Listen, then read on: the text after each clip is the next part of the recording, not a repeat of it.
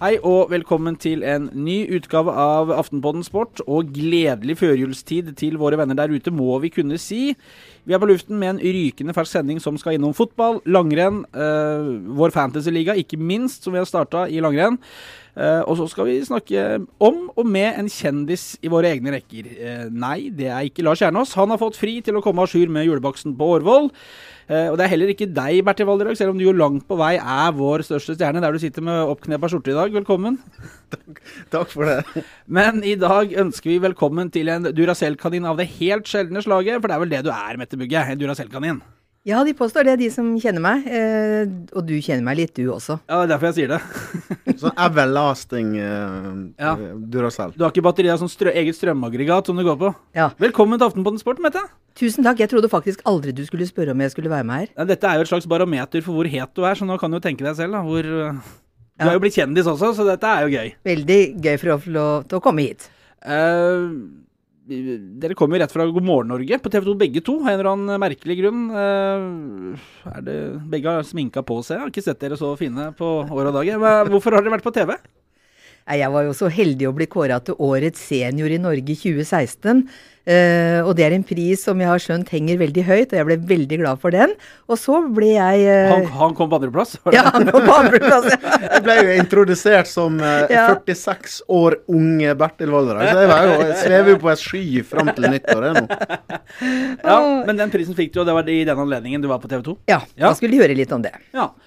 Uh, blitt kjendis, ja. Det har vi vært innom skal vi si, på dine voksne dager. da. For du ja. har jo jobba, jobba, hardt i mange år, men det er jo først nå at du har fått slått ut i Full blomst. Ja, det er utrolig morsomt. Jeg har vært i hvert fall i Aftenposten i snart 39 år. Ett år i NRK før det som stipendiat.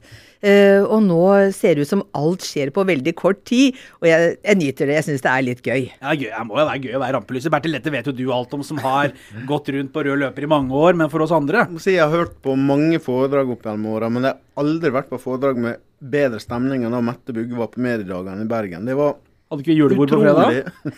Det var ikke et foredrag, var det? Monolog. Monolog fra det. Nei. Nei, det var bra julebord òg, men uh, Mette Bugge som foredragsholder uh, I den dagen hun blir skjøvet ut av, med en rullator her av Aftenposten, så tror hun har en stor karriere som foredragsholder foran seg. Uh, gøy, Mette. Det ser vi jo på reaksjonene du får i sosiale medier og sånn, at dette syns folk er gøy. Og det er jo gøy å være på den andre sida av kameralinsene også, vel? Ja ja, er, vi må begynne å venne meg til det nå. For nå skal jeg opp til NRK i dag, og det blir det fjerde NRK-programmet jeg er med bare på en halvannen uke. Så jeg, nå, får jeg, nå, får jeg, klippekort, tror jeg. Og så bare se til våren, så da blir det Kjendisfarmen, Fire stjerners middag, og så er det Skal vi danse. Du har jo ikke tid til å jobbe snart. Skal vi danse? Jeg tror det må de virkelig danse. Jeg tror det heter? Hver gang vi møtes, eller hva heter det? Hvorfor må vi møtes? Ja. Skal vi gå videre? Ja. Eh, Mette, du har jobba i Aftenposten i 39 år, og sportsjournalistikken i 40. Ja. Er det riktig? Ja, ja. Uh, men du var jo på mange måter en litt sånn uh, pioner òg, vel, innenfor sportsjournalistikken. For når du begynte, da er vi tilbake på 40 år tilbake, er vi på 70-tallet? Ja, vi er det. Sterk i matte. Nei. Uh, da, jo, jeg er jo sterk i matte. Ja, ja, du er sterk. Regne tilbake. Nei!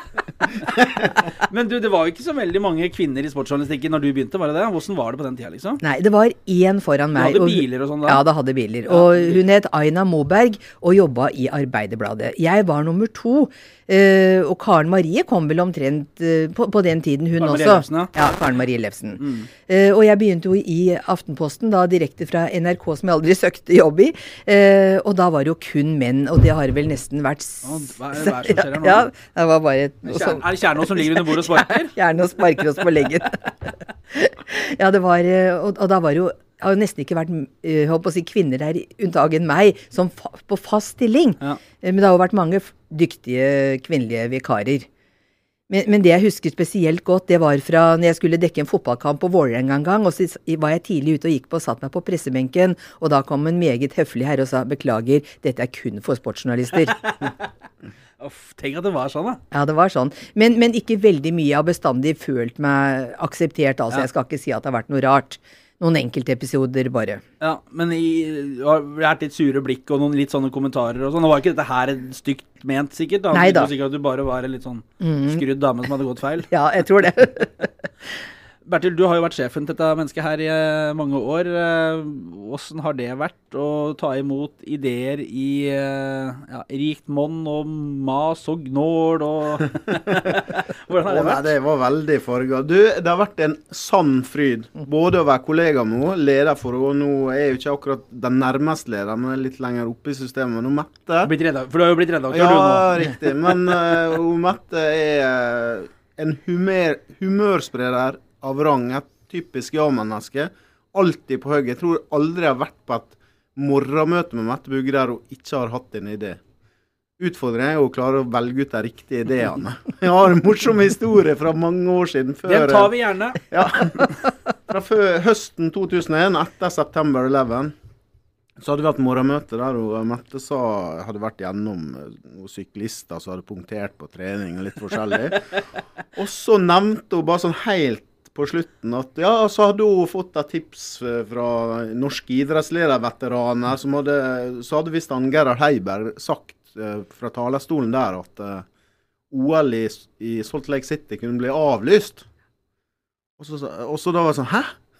Men OL ble avlyst? Ja, det, ja men da kasta vi alle andre alle andre arket, og så satsa vi på den saken. Og da satte du dagsorden i, ikke bare her i Norge, men i hele verden. Det endte vel opp med at Gerhard Heiberg måtte opp og teppe til uh, daværende IOC-president. Men det ble OL i Salt Lake, og du òg, Mette? Eh, nå har jeg vært i så mange OL at jeg må tenke, men ja. Jeg var i Salt Lake City og dekka først og fremst skøyter. Ja. Var det når vi hadde skøyteløpere? Var det Grødum sin uh, storhetstid med litt høy arm uh, på siste? Ja, det var Ådne Sønderål først og fremst. Det var det. Det var Ådne Sønderål som var Det var vel ja. den journalisten i, i, verden som avslørte disse her såkalte fartsstripene. Ja. Det var vel OL i Nagano i Ja da, det er helt korrekt. Men det morsomme den gangen var at jeg hadde sittet så kjempelenge på pressesenteret, og så skjønte jeg, og veldig mange hadde gått hjem av de norske, alle de norske hadde gått hjem, så skjønte jeg at det var noe i ferd som var i ferd med å skje, og skjønte at de hadde kom eh, Nederlenderne vel kom med noen sånne striper på, eh, på dressen sin, skulle noen fartsstriper. Mm. Jeg husker jeg ringte hjem til Sporten og sa vet du hva, jeg tror det er en stor nyhet her. Vi har eh, sånne striper på dressen. Og så sa en journalist hjemme den gangen nei, men det venter vi med, vi har ikke tid nå, vi tar det seinere. Jeg glemmer aldri det. Det blei jo verdenssensasjon. Ja, ja. Det, men det er litt klassisk. Sånn du sitter der i bobla, og så ringer du hjem, og så er jo mm. folk Men det som er så unikt med Mette, er at hun hun søker saker der ingen andre søker. Hun stiller de spørsmålene som svært få andre stiller. Det er derfor hun er blitt så unik. Og Man kan snakke så mye om digital kompetanse og alt mulig, men det som er hennes aller største kvalitet, det er at hun får folk til å åpne seg. Og de gode intervjuene de slutter aldri å gå ut på dato. Og det, Der er jo Mette en eksponent for gode intervju. Og så Mette, du har jo nesten vært med på en slags eh, Den industrielle revolusjon 2.0. Eh, du har gått fra å skrive på pergamentruller nærmest til å bruke mobilen som ditt viktigste verktøy. Og Du er vel litt innom det i foredragene dine òg, er det ikke det? Altså Den digitale greia med det å bli litt skal vi si, voksen og liksom ta de utfordringene som, som kommer, da? Ja, jeg, jeg kommer jo fra blyalderen, faktisk. Da man tok og brukte Hadde settekasse og tok én og én bokstav mm. over i vinkeljern og laga tittel og sånn pga. på grunn av det. Til vi i dag nesten kunne levd et journalistisk liv bare med mobilen. Ja. Skrive saker, sende inn et bilde, lage video. Mm. Jeg, jeg, jeg, har nesten aldri ei blokk med meg når jeg er ute lenger. Jeg bare tar intervjuer på mobilen min og skriver av etterpå. Så det er himmelvid forskjell. Uh, du har sett mye, skrevet mye, opplevd mye. Uh, og de beste historiene er jo de vi aldri kan skrive, uh, dessverre. men jeg har utfordret deg til å finne frem noen episoder og hendelser og sånne ting som har gjort et inntrykk og sånn fra årenes løp. Har du ei lita liste til oss? Ja, jeg kunne jo selvfølgelig sitte her kjempelenge, men da blir Vi kan skru på og gå, vi, og ta lunsj, og så kommer vi tilbake og skrur ja, av. Gjør det. Så runder du bare av når vi er ferdige. Da går vi! Ja. Noe som jeg husker gjorde veldig inntrykk på meg, det var Geir Karlstad OL Calgary 1988. Da hadde han satt verdensrekord på 5000 meter og 10 000 meter like før, i desember, og så kom OL. Og vi var jo bare tenkte at han skal jo bort og hente to OL-gull. Journalister er veldig optimistiske, ikke sant? Ja. Og så, på den, da, den første 5000-meteren, da, så blir nummer åtte. Og så, mens så tenkte vi var på 10 000, da vil den sikkert slå til. Og så faller den underveis og blir liggende. Jeg kommer aldri til å glemme det. Men det rare var da at det da bare forsvant den. Og da starta jakten på Geir Karlstad. Og jeg husker jeg gikk ut av hallen og gikk rundt hallen og får øye på ham. Da var jeg aleine i starten som sto og så at han sto og gråt. Og det glemmer jeg aldri. Jeg løp inn og henta fotografen, fikk han ut, og vi torde ikke å gå helt bort, husker jeg. Vi følte det var så privat. Han sto og gråt sammen med treneren sin. Uh, og det gjorde så sterkt inntrykk på meg, husker jeg. Mm. Og heldigvis var jeg til stede i Albertville da, da han fikk uh, OL-gull på 5000 meter. Det, og det tror jeg hele nasjonen Norge unnte han den med det bakteppet. Mm. Jeg må ta med Alexander Dale Oen, hvor jeg var en av få journalister som var i Shanghai da han ble verdensmester i 2011. Og det var jo tre dager etter terrorangrepet. Mm. Så det var også sånn sterkt bakteppe der. Jeg følte liksom at eh, publikum, 10 000-12 000 inni en hall, løfta han fram i vannet. Og så går han frem og vinner. Og jeg tenkte dette er et historisk øyeblikk. Og nå er det liksom, Når du forteller det, så kjenner jeg meg litt sånn kald på ryggen. For du husker jo han tårene hans og ja pekte på flagget, og han mm. gjorde det på en måte som en slags uh, noe for Norge der, da. Ja, og han var veldig opptatt av det også på pressekonferansen. Det var ikke så mye om hva han hadde gjort, det var det som hadde skjedd hjemme, mm. og at han først og fremst ønska å komme hjem, tilbake til Norge der ting skjedde. Så uh, jeg jobba veldig tett med han. Jeg var på alle internasjonale mesterskap der han vant gull. Og siste gangen, det var uh, før uh, Det var i desember i Polen. Og da husker jeg at uh, sjefen min, som ikke var Bertil da, da, men jeg, da fikk jeg ikke lov til å dra. For de mente at nå Vi skulle ikke dekke det EM i kortbane. Og da dro jeg faktisk for egne penger. Betalte reise, opphold og alt sjøl. Riktignok så fikk jeg ikke noe da i Aftenposten, for sånn kunne man ikke jobbe. Men jeg var til stede der. Og jeg fikk greie på hjemmefra at han hadde fått Aftenpostens gullmedalje som skulle deles ut. Men det kunne jeg ikke si da, for jeg ville ikke ødelegge for han under mesterskapet. Men da møtte jeg han hjemme i Øygarden i desember eh, det året. Og så døde jo han på, i mai. Slutten av april-mai, avhengig av om du er i USA eller Norge, hadde nær sagt. Året etter. Mm. Har du flere ting du vil dele med oss? Kan jeg bare få ja, nevne en ting? For det, det, nå snakker du om de store tingene. Men jeg, husker én sak. For Mette hvert år, jeg tror det var 2013 så har du Mette sju av de ti mest leste sakene for sportssamarbeidet 100 sport. som er 2014, Bertil. Var det 2014, mm.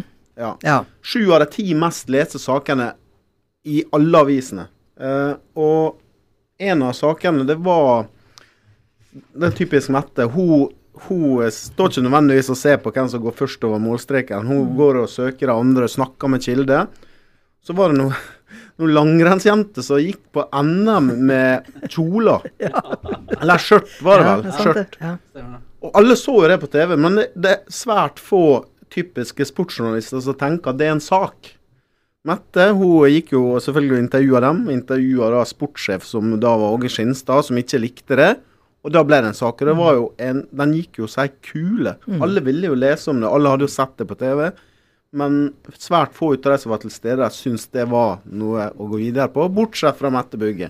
Og det er det som er så helt spesielt med henne. Hun klarer å se potensialet omtrent hva som helst.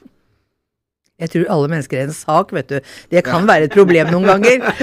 Fordi jeg kommer hjem med så veldig mye stoff når jeg kommer ja. tilbake og egentlig bare skulle ut for å dekke én sak. Men så kom jeg hjem med masse mer da, så, men det er jo kjempegøy, da. Jeg syns jo det. Det har jo vært utfordringa med å være lederen hennes. Altså. Mette, velg, velg det som har størst potensial. Velg bort, sorter ut. Ja. og det, Men nå, det her fikser hun helt utmerket. Og til og med nå så klarer hun å dra rundt og bli intervjua. Lage store oppslag, eh, holde foredrag. Være ei eh, snill mamma, snill hustru, snill bestemor og veldig god kollega. Forklart. Unikum. Han mannen din, han veit, uh, at du er i live og at du holder på, liksom. Han, man ser vel på TV, vel? Nei, så ille er det vel ikke. Har du med på lista? Uh, du får ta det du tåler. Uh, ja, tåler. Her tåler vi alt, da. Ja, nei, altså, det, det, som var så morsomt, var at jeg skulle dekke VM i uh, sandvolleyball av alle ting i Brasil i 1995. Oh, det hørtes fælt ut. Ja, var ikke det fælt? og vi visste jo at Måseide og Kvalheim ville bli verdensmestere hvis de bare sto på beina sine, for det var et annet system enn det er i dag. De samla mm. poeng. Mm. Og så idet jeg går ut og skal reise dit, så sier en eller annen kollega til meg, Mette, når du likevel er i Brasil, kan du ikke prøve å få tak i rom Romario, he-he. Og, og det spesielle med han den gangen, det var jo at han i 1994 var kåra til verdens beste fotballspiller og hadde markert seg veldig i fotball-VM i USA. Men når jeg får sånne utfordringer, jeg kan jo ikke dy meg for det.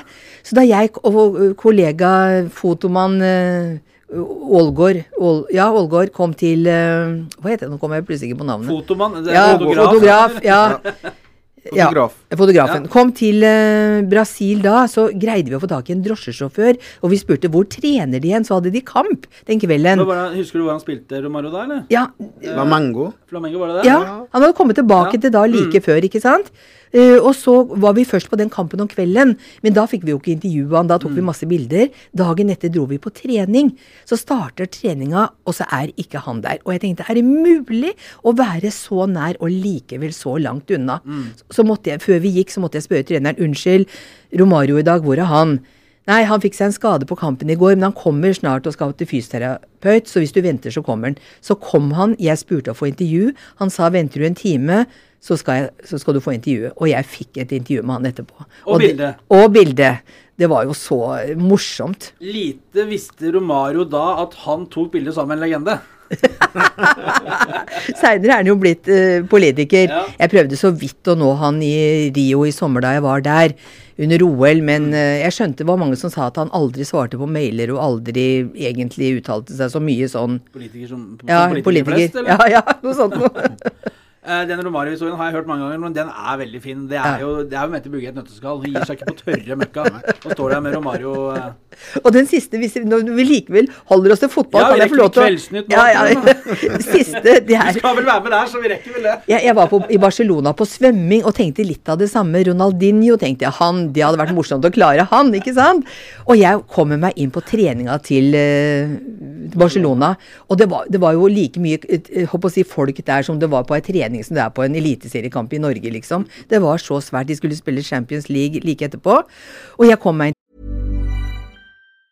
Getting engaged is a moment worth cherishing. A one-of-a-kind ring that you design at Blue Nile can help your love sparkle. Just choose your diamond and setting. When you've found the one, you'll get it delivered right to your door. Finding the right engagement ring can be nerve-wracking. At Blue Nile, you'll have the expert guidance needed and a diamond guarantee that ensures you're getting the highest quality at the best price. Cherish all of life's moments and save up to 30% at BlueNile.com. That's BlueNile.com.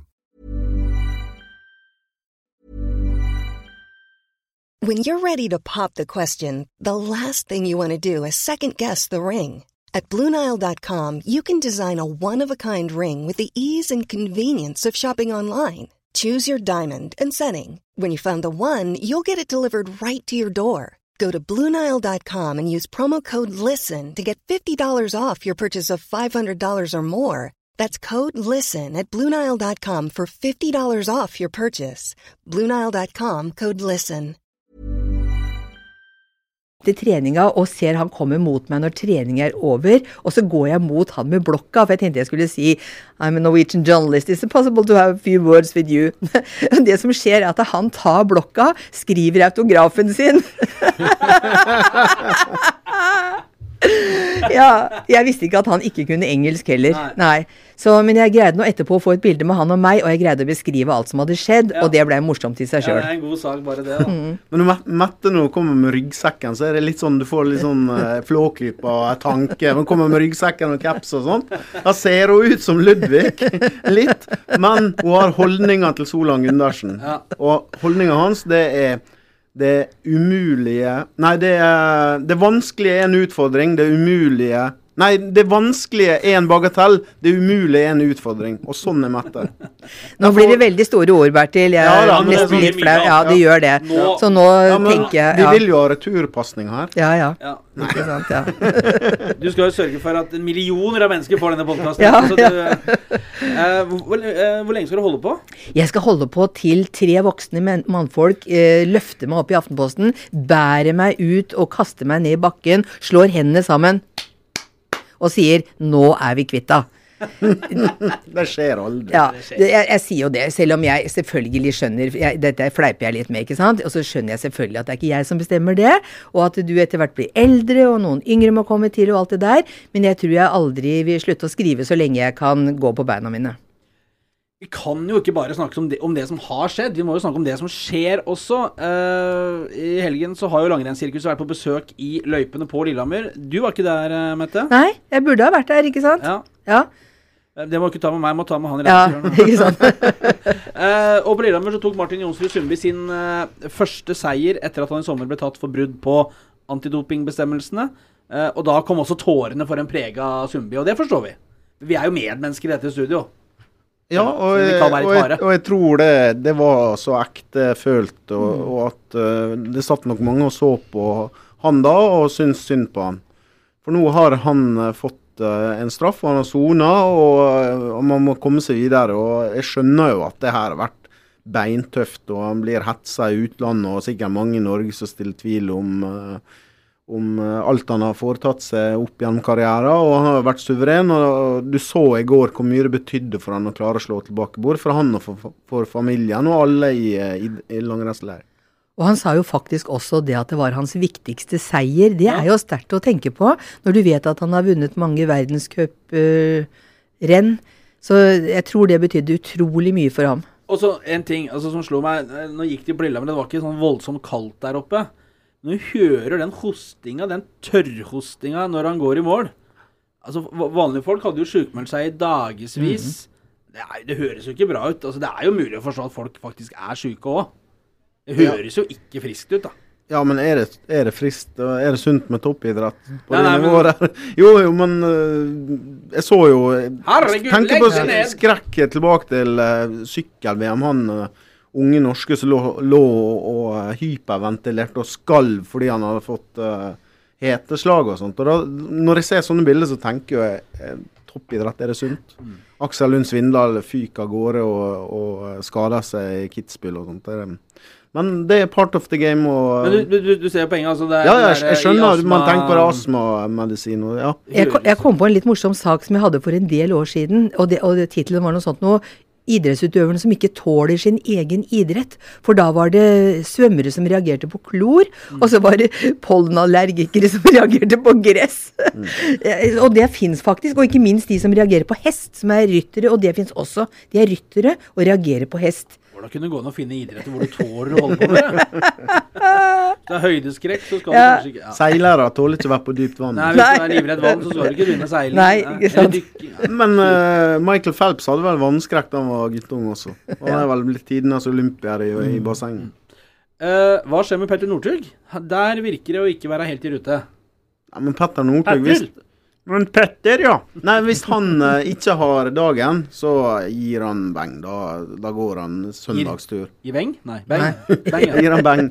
Og uh, jeg tipper at Petter Northug er på topp når uh, det blir ski-VM, så jeg skal ikke være bekymra, tror jeg. Jeg har sett en, en, god del sånne NM og andre uh, renn hvor han har kommet så langt ned på lista at du ja. tror egentlig at du kunne slått den hvis du hadde starta. Ja, han, altså hvis han merker at han ikke er i toppen, så bare går han søndagstur. Ja. Det, er sånn det uh, Jonsrud Sundby tilbake i sporet, uh, men Therese Johaug kan gå mot 14 måneders utestengelse for sin dopingsak. Uh, kommer Johaug tilbake? Ja. Ja, helt enig. Da ja. går vi videre. Når kommer hun tilbake? Nei, men det, ja, det har jo vært eh, Noen spekulerer jo litt i om det på en måte kan være slutt og miste motivasjonen sånn, men det, dere tror ikke det? Nei, det, det er spekulasjoner. Og du så manageren tok jo og benekta det. Jeg er sikker på at hun aldri ville gitt seg med en sånn eh, avskjed som det der. Hun vil komme fryktelig tilbake. Det blir helt sikkert noen tunge måneder hvor du skal være nesten aleine. Selv om du kan trene med Marit Bjørgen og alle disse her på fritida, hadde jeg sagt. Eh, men jeg er overbevist om at hun kommer til å komme tilbake. OL-dronninga i 2018? Det hadde vært en fryktelig eh, bra historie for oss pressefolk. Jeg er ganske mm. sikker på at hun kommer til å være i eh, tidenes form når det er OL i 2018. Og ikke minst det med kjæresten satte seg jo også videre. Mm. Det, det, vil si at begge to Det ville vært rart hvis hun skulle gi seg, og så går han for eh, mer triumfer på, i roing. Men øh, hvem trenger Johaug når vi har en brennhet Heidi Weng, som liksom har øh, nå litt sånn uheldige omstendigheter som gjør at hun nå endelig kan få skinne ordentlig. Da. Men hun er jo eh, Vi har jo, vi har jo en ener fortsatt. Ja, og hun uh, har jo ligget og vaka nå uh, en periode, og så er det klart at så er igjen borte, og så har du større sjanser. Men det er klart hun også er blitt mer voksen, hurtigere. Mm. Det er viktig her. Og sprint også. Nå. Ja, ikke sant. Så det, man har bare venta på henne. Jeg ser treneren sier at hun må bare få seg litt mer selvtillit. Og det er jo viktig å virkelig ha tro på at du kan klare det. Så har vi jo gamlemor sjøl, Marit Bjørgen. Nei, ikke det. det var ikke det. Men... Og det jeg trodde var meg, ja. Å ja, unnskyld. Det var ikke meg, nei. nei. Marit Bjørgen. Marit Bjørgen vil svinge litt. og Du har jo ikke så, Du har jo allerede vunnet i verdenscupen. Ja, ja, ja. Så hun kommer til å vinne flere renn i løpet av vinteren. Men at, ja. at hun er like stabil i toppen og vinner hver eneste helg eh, i løpet av vinteren, det tror jeg ikke. Men uh, at hun er i slag når det skal deles ut VM-gull og medaljer i Lahti, det er jeg sikker på. Eh, apropos Lahti, finnene har jo begynt å posisjonere seg nå før mesterskapet på hjemmebane. Ivo Niskan har vunnet i løpet av herresida. Eh, Permakoski osv. på damesida. Eh, kan jo bli morsomt med et eh, VM i Lahti igjen som ikke huskes for doping. Jeg var til stede, Bertil, det var vel du òg, i 2001? Nei, da, lå, Nei. da, var jeg på La Manga og jobba vetta med der nede. jobba vetta, ja. Ja. ja. Jeg var til stede i 2001 og husker jo alt det som skjedde da, når, ja. når de henger opp sort uh, forheng foran alle sponsormerkene. Det var veldig uvirkelig å være der da og tenke foregår virkelig dette? Og det kom jo avsløring på avsløring også senere. Så jeg kan tenke meg at de har veldig lyst til å vise seg fram på en helt annen måte nå. Ja. Og det er litt gøy også at uh, hjemmenasjonen også kan være med å konkurrere. At det ikke bare er nordmenn, at det faktisk er noen svensker og litt sånn som blander seg nå.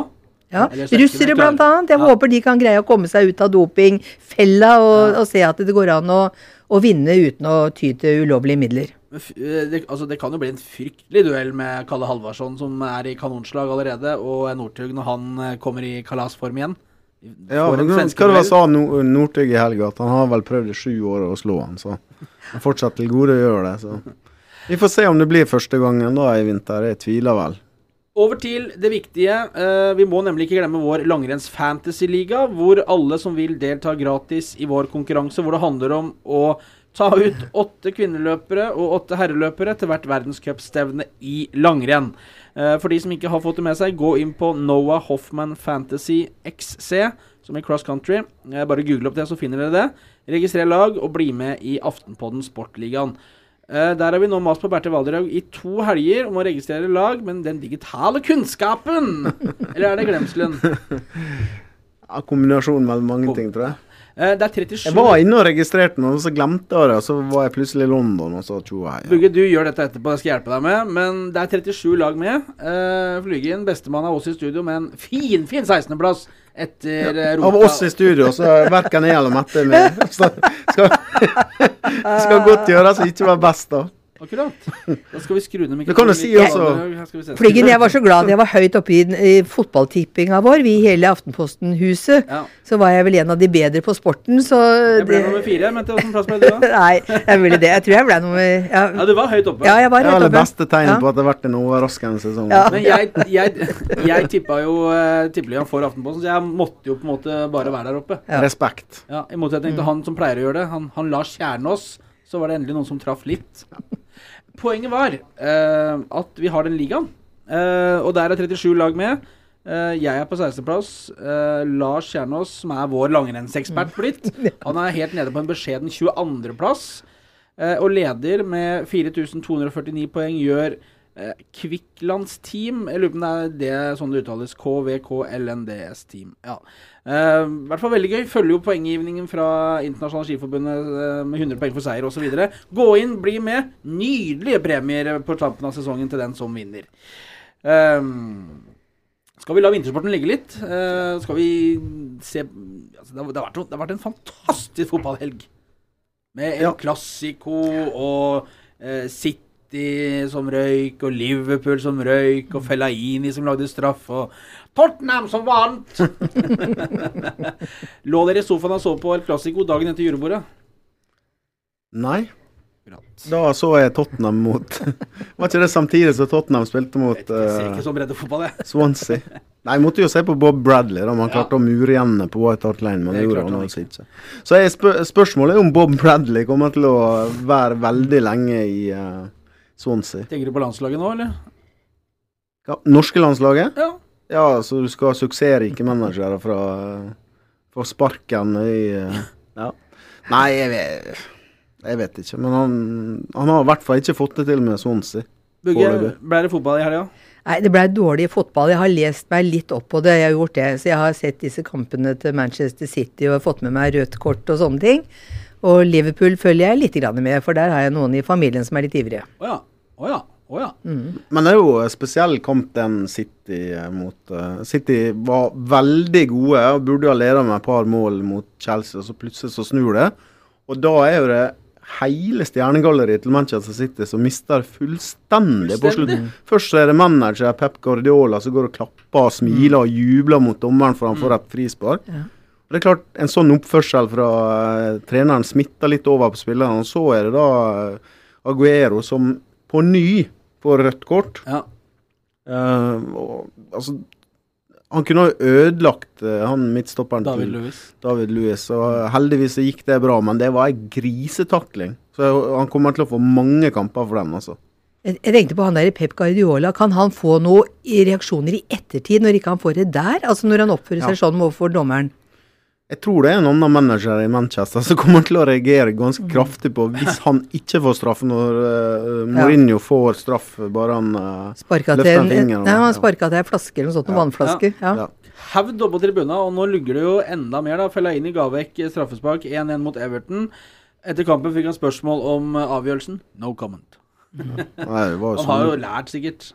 Ja, men det var jo soleklar straffe. det. Ja, du- Fe- Fellaini det var, han ble satt inn på slutten for å mure igjen, og så først han gjør å lage straffe, og så klarer han å få seg gult kort. Og, Du sender inn på en tømmerstokk, så går det jo ikke. Han hadde for mye krøller. Hadde ikke han som har så masse krøller? Fryktelig med krøller. Ja, krøller, ja. Det krølla seg, det krølla seg til for han, føler jeg. Ja, vi. Kan ikke bare notere den? Det krølla seg til Sånn. Ehm, Bugge, Ja. Som håndballtrener på et relativt høyt nivå. Ja. Det er jo, altså Nå kan vi glemme alle landets prestasjoner, for nå drar det seg mot uh, idrettsgallaen på nyåret, hvor håndballjentene skal bare hanke inn priser. For det blir jo ikke jul i Norge uten mesterskap for håndballjentene. Og nå er det EM i Sverige. Og det er kjempegøy og en flott tradisjon. Ja. Og kjenner jeg jentene rett, så blir det en ny finale, i alle fall. Det gjør det. Ja, for det er jo ingenting annet som eh, går for det norske folk som sitter og Altså Det forventes jo. Ja, og det er liksom Jeg har følelsen av at de har et grep om publikum som svær, mange andre utøvere ville misunne dem. Helt fra 1986 og bronsekampen i Nederland, det er 30 år siden i år, mm. så, så har de vært jubeljentene som kommer til oss før jul, og som stort sett leverer. det er derfor de har grep om publikum, og fordi de vinner. Ja. Så, det, men sånn er jo det i Norge. er Så- det der forskjellen på f.eks. fotballandslaget, mener du? Ja, men, hadde, ja, men fotballandslaget på 90-tallet under Drillo og i starten av SEM-perioden, det var jo eh, nasjonens kjæledegger. Og, så- og, og så enkelt er det. Vi, vi satt jo hele Norge og fulgte med på en eh, fektekamp under OL i London, og mm. plutselig var det en som kunne vinne. Og du- sitter over halve Norge og følger med på sjakk uten at vi kan det. Men vi fikk jo er verdensmester i sjakk, da. Ja da. Ja. Og vi har fått Kurt Haugli trygt hjem fra New York. Ja. Da er var- alt det skjønner Ut, uten jetlag, til og med. Ja, Det er vel det minste problemet. Ja. For de som fulgte sendingen, og vi hadde han direkte med fra hotellrommet på Manhattan, så er vel Folk undres vel kanskje at han har kommet tilbake, men Haugli er tilbake på kontoret. um, er det noe annet vi burde vært innom, syns du? Som har skjedd den siste Du er jo på en måte en av de få lytterne våre. Altså, du hører, nå er du liksom på innsiden. Kan du Ja. komme med noe råd til oss? Nei, råd og råd. Altså, Tenker du på idrett vi burde vært innom? Jeg, jeg, Nei, jeg tenkte på oss her og nå. Og Det er dere her og- nå. Ja, nei Jeg, jeg, er litt, lurer litt på hoppinga. Jeg må ha med skihoppinga. Vi har jo et hjerte for skihopping. Ja, har dekket det i mange år. Da ingen andre ville ha den idretten. Faktisk, I sportsredaksjonen så sa jeg jeg kan ta den, jeg. Og så ble det jo, kom Mika Kojonkoski, og så bare gikk det rett oppover.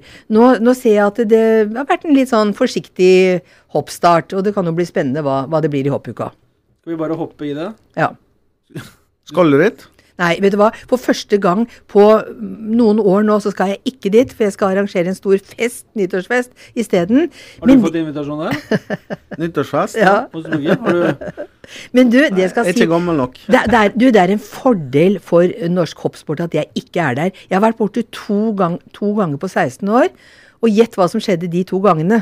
Vi har fått eh, begge vunnet. Ja, det var da Norge fikk eh, sammenlagt Anders vinner. Jacobsen Ja, og Sigurd Pettersen. Sigurd Pettersen. Ja, faktisk. Da var jeg borte, og nå skal jeg være borte for tredje gang. Så da tror vi det går rett til værs der. Hopps. Jeg var jo hoppmedarbeider, jeg også. Jeg tror det var på fire hoppuker. Det var aldri norsk seier da heller. Nei, Men det er jo, når du ser på hvordan du har gått med deg på Stamford Bridge og Tottenham, så er jo ikke det noen eh, overraskelse. Men Spillet var bra. Det var gøy på forhånd og gøy etterpå. og sånt. Så. Ja, Det var det ved hoppet over. Fotballen og idretten det er ikke bare det som skjer på arenaen, det er alt rundt. Da Den kan, Den samlende faktoren. da kan folk der ute bare notere ned i visdomsordene fra herr Valderhaug. Vi takker og bukker og uh, sier takk til Mette for eh, koselig besøk. Tusen hjertelig. Og så høres vi helt plom plutselig.